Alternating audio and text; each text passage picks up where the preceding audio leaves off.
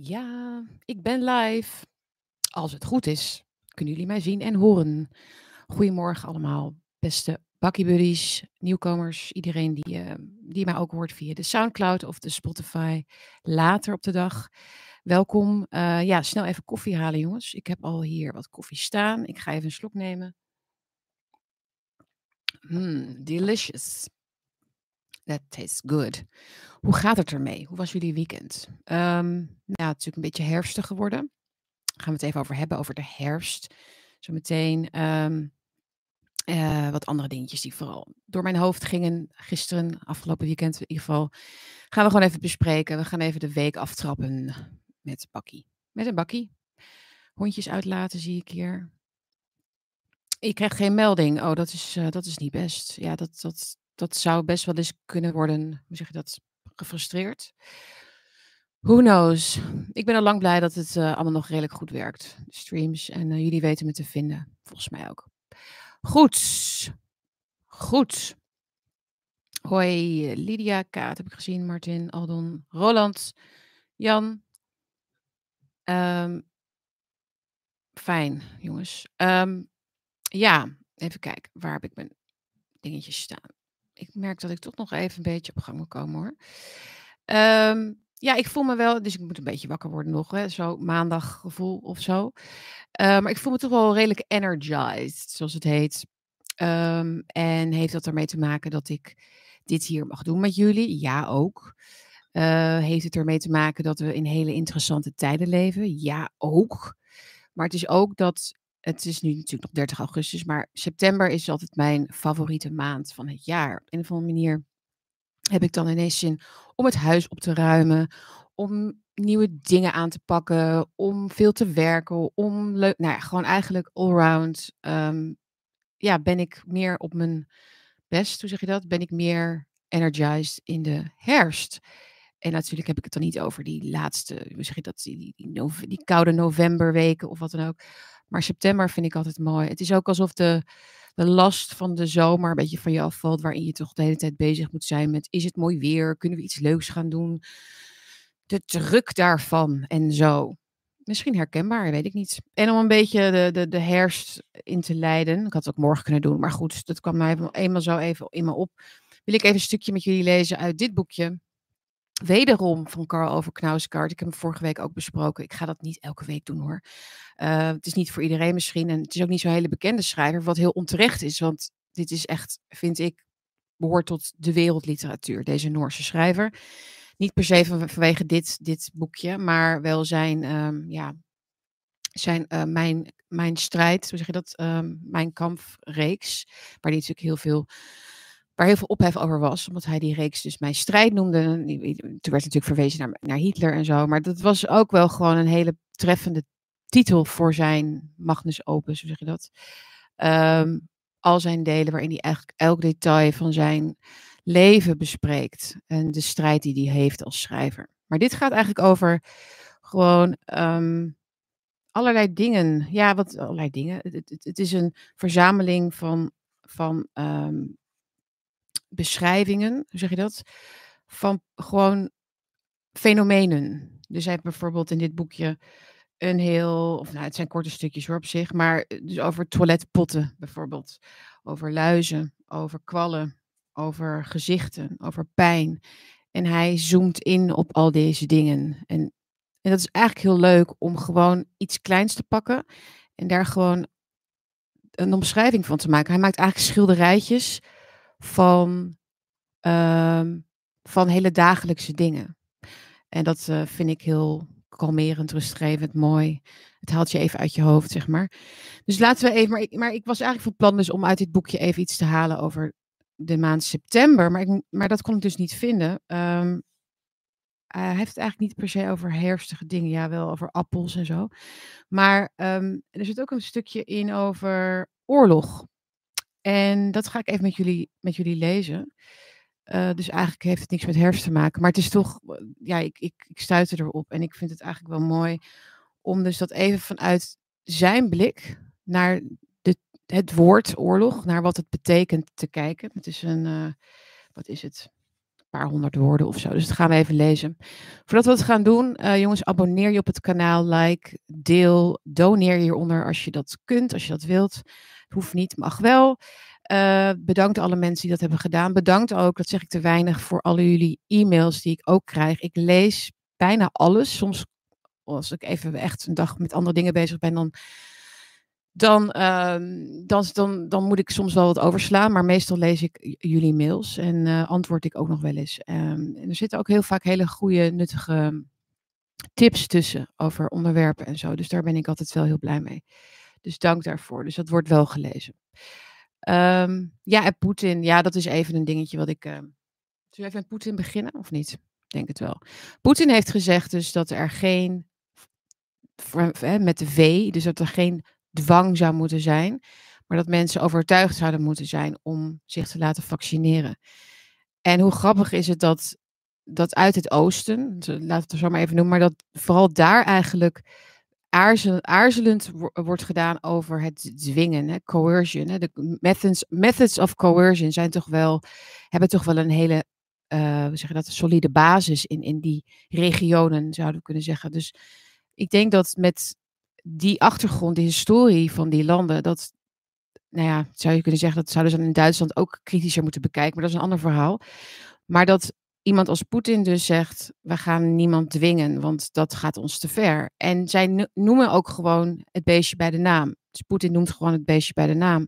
En hier wordt er natuurlijk een beetje omheen gedraaid. Hè. Het is hier heel erg van, uh, ja, je kunt wat vrij, vrijheden terugkrijgen als je het doet. Dat is geen dwang. Dat is geen dwang. Dat is gewoon een stimulans.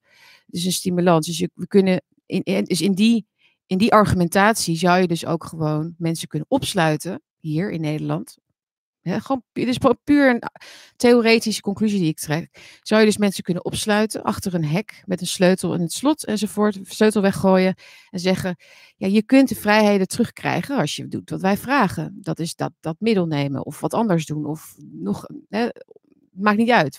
Eh, wat, wat wij vinden dat nodig is, moet jij dan doen.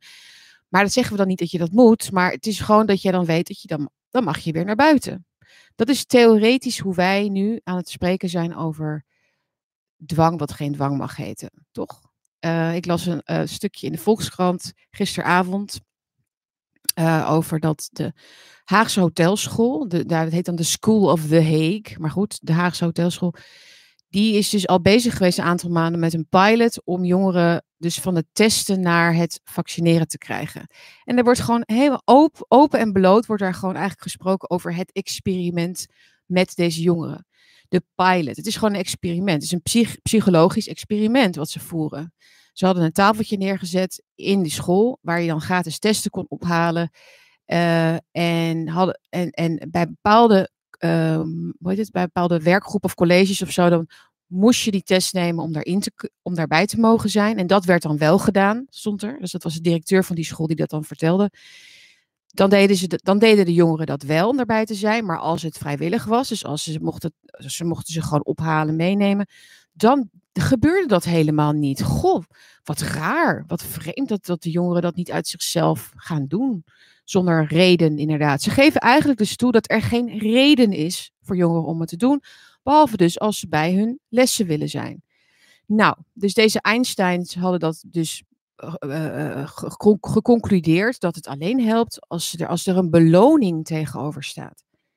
Er staat een beloning tegenover. Maar dus een beloning, kijk, een beloning geven voor, dus nudging zoals het heet, mensen belonen voor goed gedrag is niet, niet van al, alleen maar afgelopen anderhalf jaar, weet je. Dus dat is, dat is op zich niet, niet eens onethisch of verderfelijk of zo, maar het is natuurlijk wel, wel, wel onethisch en verderfelijk en crimineel als je eerst gewoon mensenrechten afpakt van, van mensen, van jongeren. En ze eigenlijk uh, dus een, terugzet in hun vrijheid. En dan zegt dat dit is de beloning. Dat is dwang. Want het, het, de endgame van die manier van denken, van dit bureaucratische, technocratische denken, is dat op een gegeven moment uh, een jongere op slot kan worden gezet, letterlijk. Want misschien, misschien, is het, misschien doen ze het dan wel. Misschien willen, willen ze wel die kooi uit en willen ze wel het leven, hè, het leven in kunnen. De, de, de, de ruimte, de publieke ruimte. ik ben best wel, best wel een beetje klaar met dat, met dat stilaan soort van ideeën in de week leggen dat, dat de maatschappij en de samenleving niet van ons zou zijn of zo. Ik, met ons bedoel ik dus niet de kritische mensen, maar gewoon überhaupt. Dat er zoiets is als een voorwaarde om mee te, mee te mogen doen aan de samenleving, aan school, aan uh, uitgaan, aan sport. Uh, hè, dat is eigenlijk dus al maanden aan de hand. Dat dat idee wordt steeds meer um, in beton gegoten, zou je kunnen zeggen onder het mom van, want, hè, onder het mom van wat, wat, wat, wat helpt, wat werkt, dat gaan we doen. Um, heel gevaarlijk uh, vind ik dat. En dat Poetin eigenlijk hardop zegt, dat is, dat is dwang. Hij heeft dus ook gezegd van, wij gaan niet mensen uitsluiten van hun werk of van andere dingen, want dat is dwang. En dat is ook zo. Dat is niets minder dan dwang. Um, maar goed, ik heb. Um, ik wil binnenkort een video gaan maken. Die, wilde, die wil ik al heel lang gaan maken. Dus geen livestream, maar weer een video. Over de methods of coercion. Dus het gaat ook over wat ik net zei. Over die, dat experimenteren, dat mensen verzwakken, demoraliseren, mensen belonen, mensen straffen. Ze hebben dat hele scala van instrumenten die werden gebruikt in de Sovjet-Unie, die werden gebruikt in de DDR, die werden gebruikt in oorlogen eh, over de hele wereld om, uh, nou ja, krijgsgevangenen of wat dan ook tot bekentenissen te krijgen. Er zijn allerlei, allerlei, allerlei mogelijke scenario's waarin dat is gebruikt. En nu wordt het eigenlijk op grote schaal gebruikt in de hele samenleving. Dus van overheid naar burger in de westerse wereld. En niemand is daar eigenlijk van uitgezonderd. Van die, um, van die, ja, van die, van die manieren om ons te bespelen. En met succes ook. Maar goed, daar ga ik dus een, uh, een, video over maken. Um, die methoden zijn uh, door Amnesty in, 19, in begin jaren 90 erkend als zijnde hè, echt waar. Hoe moet je dat zeggen? Dus erkend toen Amnesty nog niet een corrupte organisatie was. Althans minder.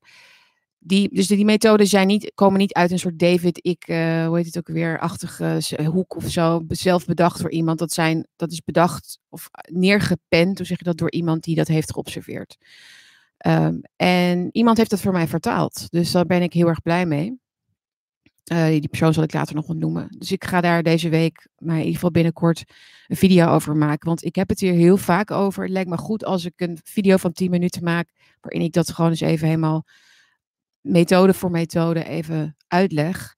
Uh, met ook dus de beelden daarbij van hoe dat er dan uitziet. Nou ja, dus dat is, uh, dat is in ieder geval uh, interessant om, om te doen. Omdat ik, ik vind dit een speel in het hele, in het hele verhaal waar we nu in zitten, in het circus. Ik vind dit zo belangrijk dat mensen dit weten.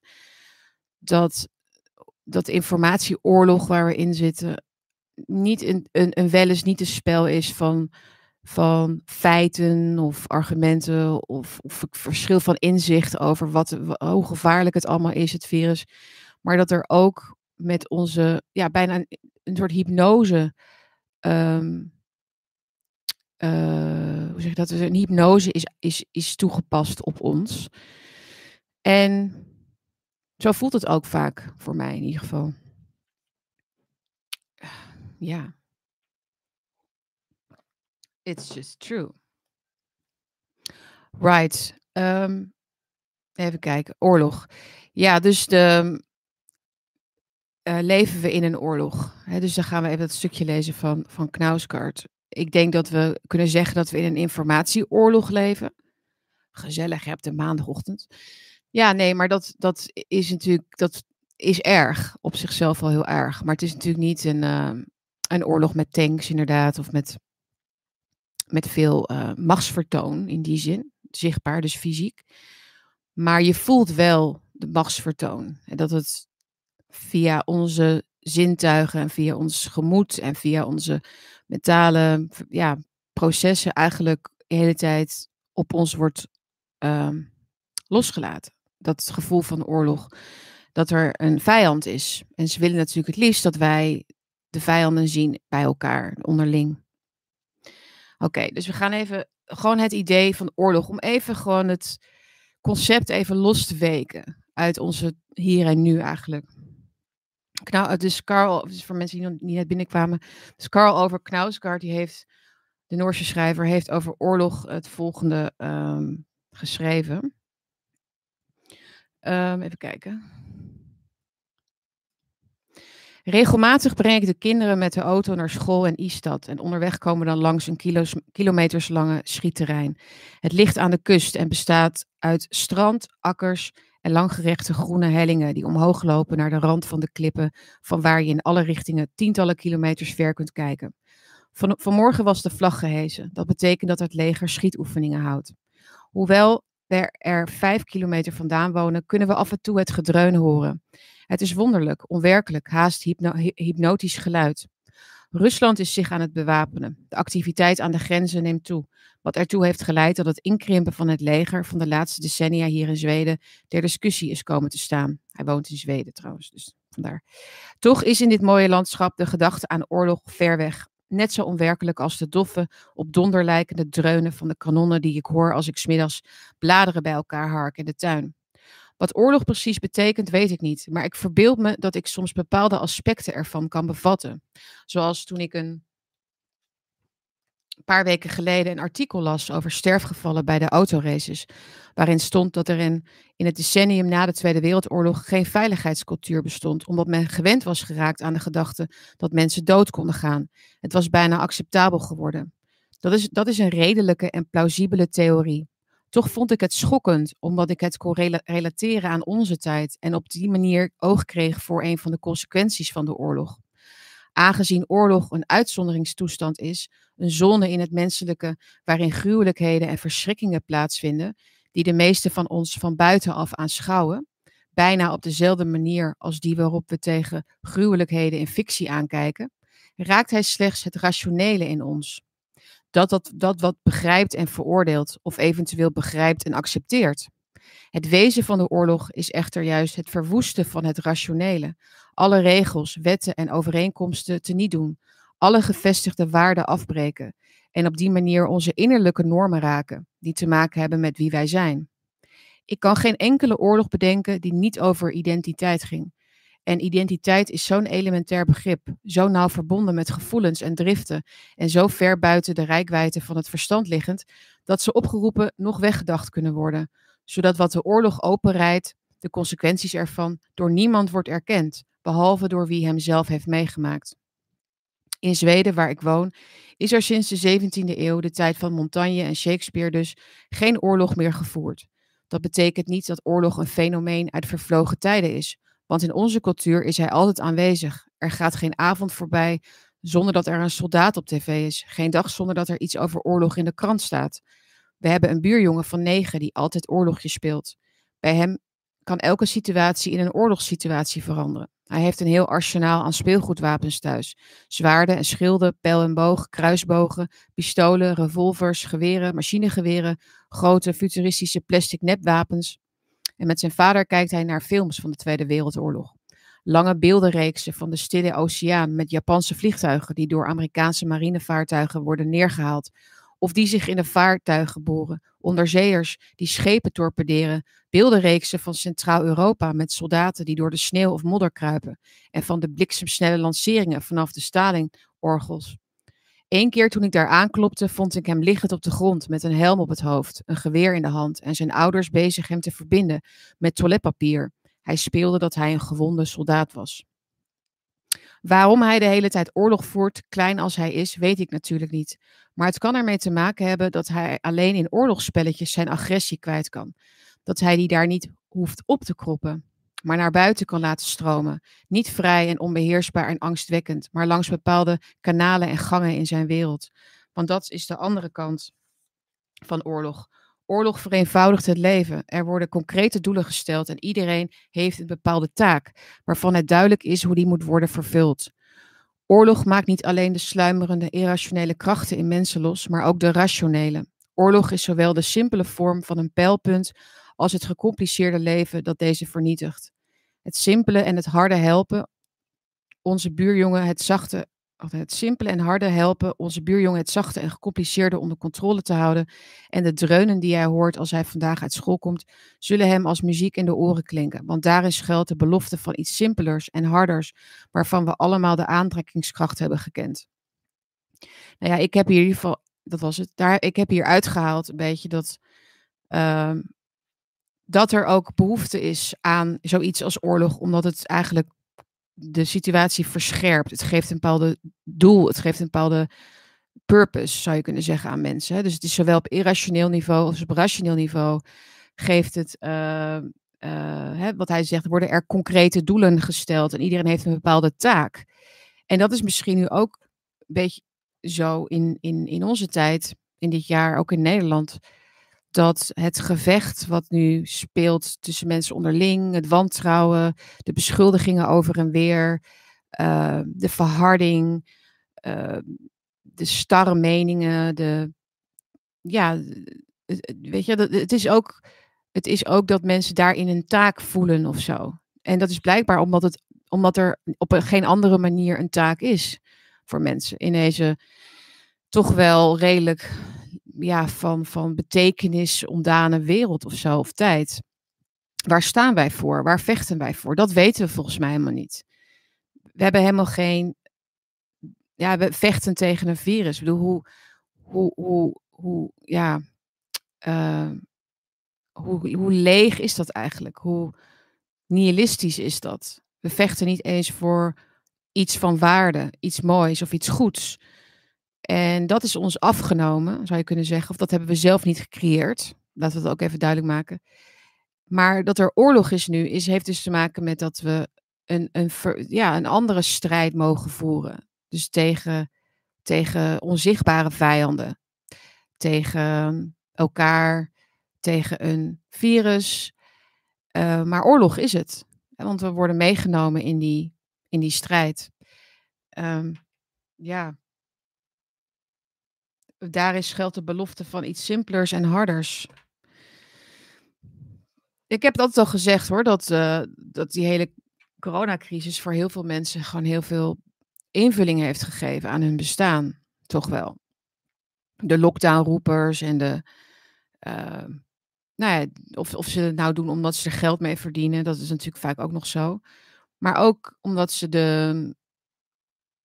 Ja, omdat ze de geestelijke vacuüm, of het geestelijk vacuüm waar we als collectief in zitten, een beetje kunnen, kunnen opvullen met betekenis of zo.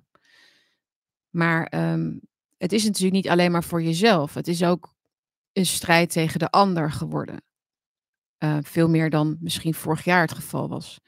Ik schrik heel erg hoor van, van alle anti-ongevaccineerde retoriek die ik om me heen hoor. De, zoals een uh, vriend van mij in Berlijn het noemt, the unvaccinated question. Hè? Um, wat, doen we, wat, doen we met die mensen? dus het creëren van, van de zondebok is natuurlijk altijd onderdeel van een oorlog ook. Dus ja, jullie dachten dat ik heel vrolijk was hè, met die foto. en dan krijgen jullie dit voor je kiezen. Nou ja, het was eigenlijk helemaal niet de opzet. Maar ik, ik wilde eigenlijk gewoon een verhaaltje lezen over herfstbladeren of zo. Maar dit was eventjes een ander interessant uh, dingetje, denk ik. Um, dus ja, de zwarte schapen. Ja. En waarom zijn wij de zwarte schapen? Omdat we de mensen hun illusies uh, dreigen af te nemen. En die illusies zijn eerst zorgvuldig opgebouwd. De illusies van deze tijd, de beheersbaarheid van het leven, de beheersbaarheid van onze gezondheid. Uh, de, de, dat superioriteitsgevoel, wat natuurlijk in het Westen toch wel leeft, wat heel paradoxaal is, want we zijn natuurlijk in, in, in, de, in de kern vreselijk onzeker en hebben we een soort um, zelfcomplex, we zeggen een soort gebrek aan eigenwaarde, als, als je het hebt over onze cultuur of onze waarden of zo, dus dat is er niet, maar er is wel een soort superioriteitsgevoel dat we de wereld moeten redden en de planeet moeten redden en dat we elk, elk mogelijke ziekte op ons pad kunnen overwinnen. Um, en al die illusies zijn natuurlijk zorgvuldig gecreëerd. Alleen maar om, om ze dus op een gegeven moment um, secundair te maken aan je werkelijke zelf. Hoe zeg je dat? Dus de illusies waar, we, waar heel veel mensen nu nog in geloven, is, staat haaks op de werkelijkheid. Dat is, wat er nu, dat is wat er nu aan de hand is. Dus de illusies zijn eigenlijk aan het afbrokkelen. En de mensen die dat zien, worden daar, daarom aangevallen. Dat is, dat is volgens mij wat er nu aan de hand is. En dat heeft dus niks te maken met of wij wel of niet uh, de V nemen, maar wel met dat wij in, in deze coronatijd eigenlijk zeggen, wij zien nu wat dit is. Wij zien, wij zien alle leugens, wij zien alle, alle illusies uh, over die beheersbaarheid. En we willen weer terug naar onze eigen, ja, kleine, desnoods um, imperfecte wereld. Waarin we in ieder geval zelf de regie hebben. En om dat te kunnen omvatten, om dat te kunnen begrijpen als, als gehersenspoelde mediaconsument in, deze, in dit land, uh, moet je door een proces heen. Wat niet, wat niet gaat over wel of niet laten prikken natuurlijk. Maar dat is wel een beetje de, de smoking gun geworden natuurlijk. Dat is wel de, de trigger geworden. Waarop mensen elkaar selecteren ook. Hè? Dus de, de, goed, de goede en de slechte mensen. Dat was hiervoor was dat minder, minder duidelijk in te schalen. Of minder duidelijk in te richten. Van, weet je, als je dan kritiek had op klimaatbeleid en zo, dan was je natuurlijk ook wel extreem rechts en viel je er ook al buiten. Maar daarin kon je natuurlijk nog nuances aanbrengen. En dan kon je nog zeggen van ja, ik ben ook voor het, ik ben ook voor, een, voor, voor het milieu. Ik ben ook voor een, weet je wel, goede leefomgeving. En dan kon je nog wel redelijk door één deur met iedereen. Maar nu, zeker omdat het ook wordt gevoed en het vuurtje wordt opgestookt, um, wordt, wordt het legertje van mensen eigenlijk nu getraind om te haten en om af te wijzen en om uit te sluiten en te vervolgen. Um, en hun oorlogje te gaan voeren. En dus betekenis te krijgen binnen hun. Um, ja, een soort. Eh, om te beschermen wat, wat, ze, wat, ze, wat, ze, wat ze weten, wat ze kennen.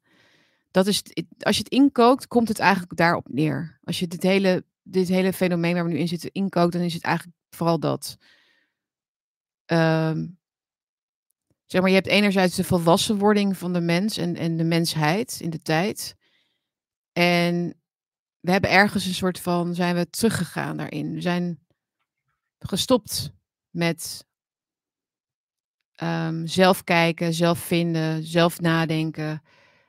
En hebben, hebben ons in, in die illusies eigenlijk warm gehouden, in die warme deken van uh, de overheid gaat het voor ons regelen. De overheid zegt dat het moet, dus ga ik het doen.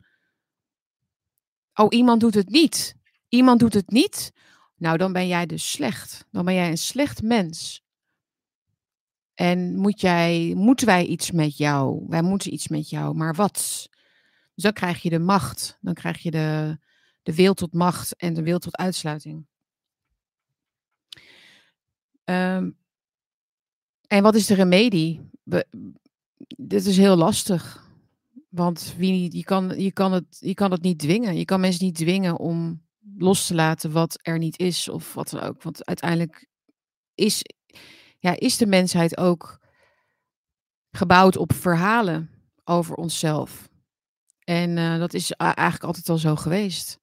En er komt wel weer een nieuw verhaal, er komt wel weer een nieuw geloof, een nieuwe ideologie, een nieuwe. Ja, maar het is, het is een zure appel, omdat we 30 jaar geleden dachten dat we eigenlijk al op een eindpunt stonden van onze wereldse, uh, ons wereldse kunnen en zijn. We hadden God niet meer nodig en we hadden de wetenschap en de techniek. We konden naar de maan en waarom waren we nog niet op Mars geweest? En waarom was het Midden-Oosten nog niet bevrijd? En waarom was daar nog niet, niet democratie? En waarom zijn niet overal spuiten er niet overal regenbogen uit, uh, uit, uit de grond uh, en, en komt er geen, geen, geen limonade uit de kraan? waarom is, er, waarom is eigenlijk nog niet alles perfect of zo? En dat is natuurlijk uh, het grote probleem. En daar worden we nu op voor gestraft eigenlijk. Um, hou je kinderen van school. Nou ja. Zijn we op de maan geweest. Kijk. ja, I'm, I don't know. I don't know. Did you see the pictures? Er zijn toch beelden van? Dan is het gebeurd.